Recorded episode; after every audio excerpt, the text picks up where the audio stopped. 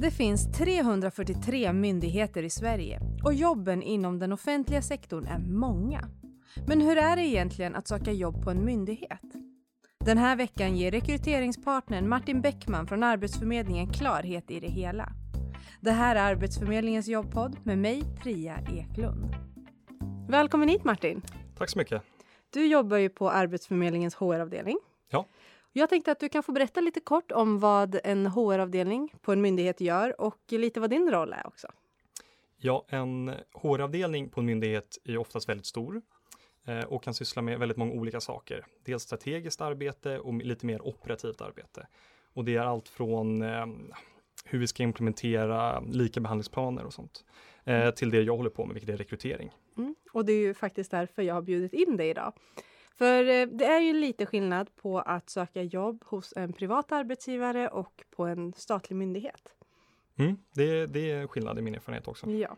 Och eh, jag eh, håller ju en del webbinarier och pratar väldigt mycket om CV personligt brev, pratar om att hitta de dolda jobben och skicka spontanansökningar och så. Och just det här med att hitta ett dolt jobb på en myndighet eller skicka en spontanansökan på en myndighet, det funkar ju inte riktigt. Nej, det stämmer. Vi har ju en skyldighet att alltid annonsera offentligt.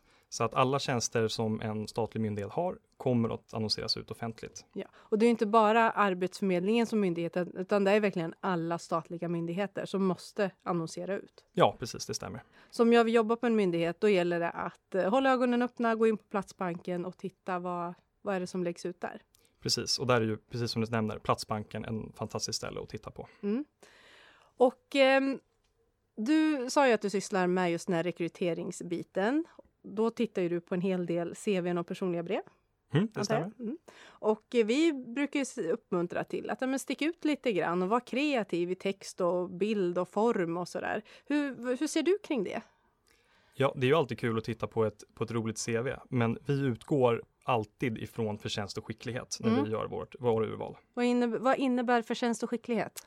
Ja, förtjänst är då hur länge man har jobbat i en statlig myndighet eller jobbat statligt innan. Mm. Och eh, där skicklighet är då den kompetens eh, och erfarenhet vi kan se utifrån kravprofilen, alltså det som står i annonsen. Okej, okay. och vilket tittar man mest på?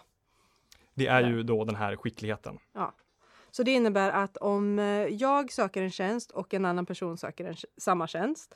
Vi, ni bedömer att skickligheten är densamma. Men om jag har fler år inom en statlig myndighet. Det behöver nödvändigtvis inte vara Arbetsförmedlingen då, eller? Nej, precis. Nej. Det kan vara vilken annan statlig ja. myndighet som Så om jag har fler år inom statliga myndigheten än, än vad den andra personen har, då är det jag som kommer få tjänsten. Ja, det stämmer. Mm. Och det kan ju vara väldigt bra att känna till.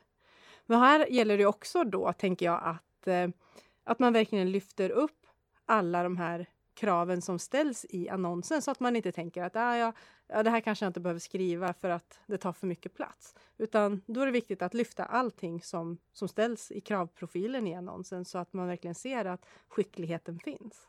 Ja, precis. Och det, jag tror att det är det som ibland kan fattas, uppfattas som lite fyrkantigt. Men det är jätteviktigt att man just lyfter de kompetenserna som man själv har då, för, i förhållande till annonsen, det som efterfrågas. Mm. Och det har väl att göra med att myndigheter liksom ska behandla alla lika?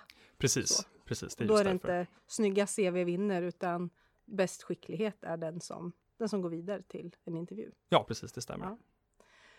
Hur går en vanlig rekrytering till? på en myndighet? Nu kan ju du bara tala för Arbetsförmedlingen då, men eh, hur, hur går det till på ett ungefär? Ja, även inom myndigheten så är det viss variation, men mm. jag kan ta det som är lika i alla rekryteringar. Och det första är då att vi annonserar ut annonsen, vilket vi har då skyldighet till att göra, mm. och att sen börjar ansökningarna trilla in. Därefter så gör vi ett första urval med personer som vi då bedömer uppfyller kravprofilen och de personerna som vi upp, upplever inte gör det. Mm. Eh, och det första urvalet sen kontaktar vi för att gå vidare med till eventuella intervjuer. Okej. Okay. Hur eh, Många arbetsgivare sysslar ju med löpande rekrytering så att man eh, tillsätter tjänsten när man tänker att nu har jag hittat en bra person och sen så tar man inte in fler på intervju. Hur funkar det på en myndighet? Ja, vi kan också ibland eh, syssla med löpande urval, vilket är att vi kallar in personer på intervju allt eftersom. Mm medan annonsen fortfarande ligger ute. Skillnaden är mellan en myndighet och en privat aktör är ju att vi på en myndighet måste behandla alla lika. Så att även om vi hittar en toppenkandidat och känner oss nöjda så kommer vi fortfarande fortsätta intervjua. Mm. tills vi har eh, träffat alla då som tillhör då urval 1. Som uppfyller de här kraven. Precis. Som du och jag söker samma tjänst och jag söker den 20 eh, dagar innan ansökningstiden går ut och du söker den en dag innan ansökningstiden går ut. Så finns det en, och jag blir inkallad på en intervju och du, en, du uppfyller kraven. Och så hör du att ja, men Priya har blivit inkallad på den här intervjun. Då kanske det är kört för mig, men då är det inte kört för dig. Nej, utan alla personer då som uppfyller de här kompetenskraven i samma utsträckning som varandra, mm. som tillhör samma urval, de kommer att bli kallade på intervju om en person där har blivit det. Mm. För myten är ju också då att eh, ja, men myndigheter får inte ens öppna ansökningarna innan ansökningstiden har gått ut. Man får inte ens börja kalla på intervjuer innan ansökningstiden har gått ut. Men då stämmer ju inte det. Nej, det stämmer inte. Eh, det blir omöjligt för oss att eh, läsa alla ansökningar samtidigt. Till exempel som i Stockholm så kan vi få in över tusen ansökningar till arbetsförmedlingstjänster mm. och då behöver vi läsa dem löpande. Ja. Men så det viktiga är i alla fall att sök jobbet innan ansökningstiden går ut. Och uppfyller du kraven så kommer du att bli inbjuden till en intervju. Ja, om man uppfyller i samma utsträckning som någon annan som har blivit kallad. Ja, just det. Mm, precis. Själva intervjun då, finns det, finns det någon skillnad där eller är det liksom en, en vanlig intervju precis som, ja, men som att jag skulle gå på en intervju hos en privat arbetsgivare?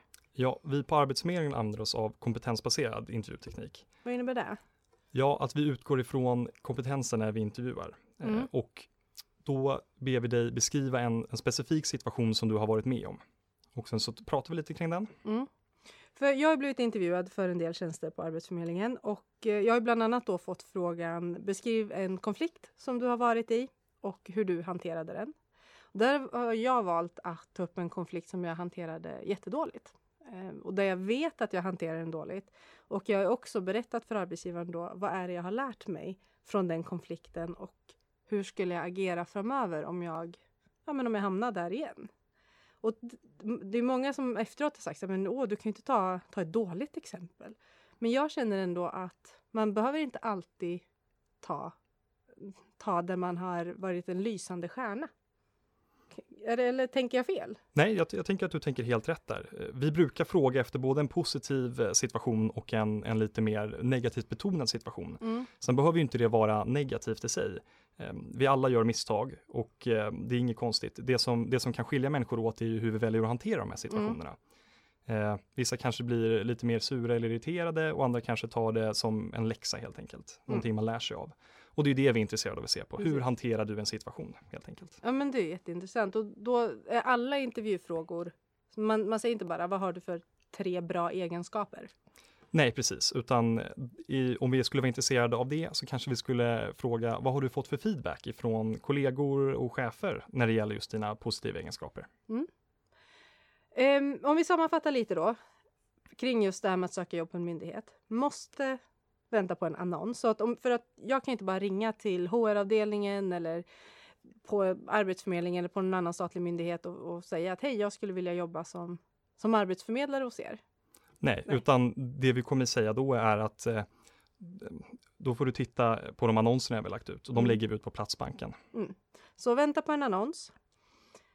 Du får vara kreativ i dina ansökningshandlingar, men det är man tittar på kompetenserna. Precis. Så. Men så, det är ju, samtidigt så kan du visa i dina ansökningshandlingar genom att vara kreativ med dem så visar du ju ändå en egenskap utan att faktiskt skriva ut den. Att du är en kreativ människa. Precis, och det visar ju på att eh, alltså, din förmåga att skriva och vara kreativ. Mm. Mm. Så det, är inte, man be det behöver inte vara en, en trist och tråkig uppradning utav kompetenser. Nej, det behöver det absolut inte vara. Nej. Det viktigaste är att du lyfter fram dina kompetenser. På ett snyggt sätt. Ja. Så det är de två viktigaste sakerna egentligen för, för när man söker jobb på en myndighet. Ja. ja. Men bra! Finns det något mer du skulle vilja tillägga innan vi avslutar? Nej, det är bara att hålla ögonen öppna för lediga tjänster på bland annat Platsbanken och eh, så hoppas att jag får träffa några av er i framtiden. Ja, men kul. Tack för att du kom hit Martin. Tack själv. Du har lyssnat på Arbetsförmedlingens jobbpodd med rekryteringspartnern Martin Bäckman från Arbetsförmedlingen och mig, Priya Eklund. Inspelningsansvarig var Andreas Damgård. I nästa veckas poddavsnitt kommer du få tips på hur du kan stretcha hjärnan och bli mer kreativ. Det vill du inte missa.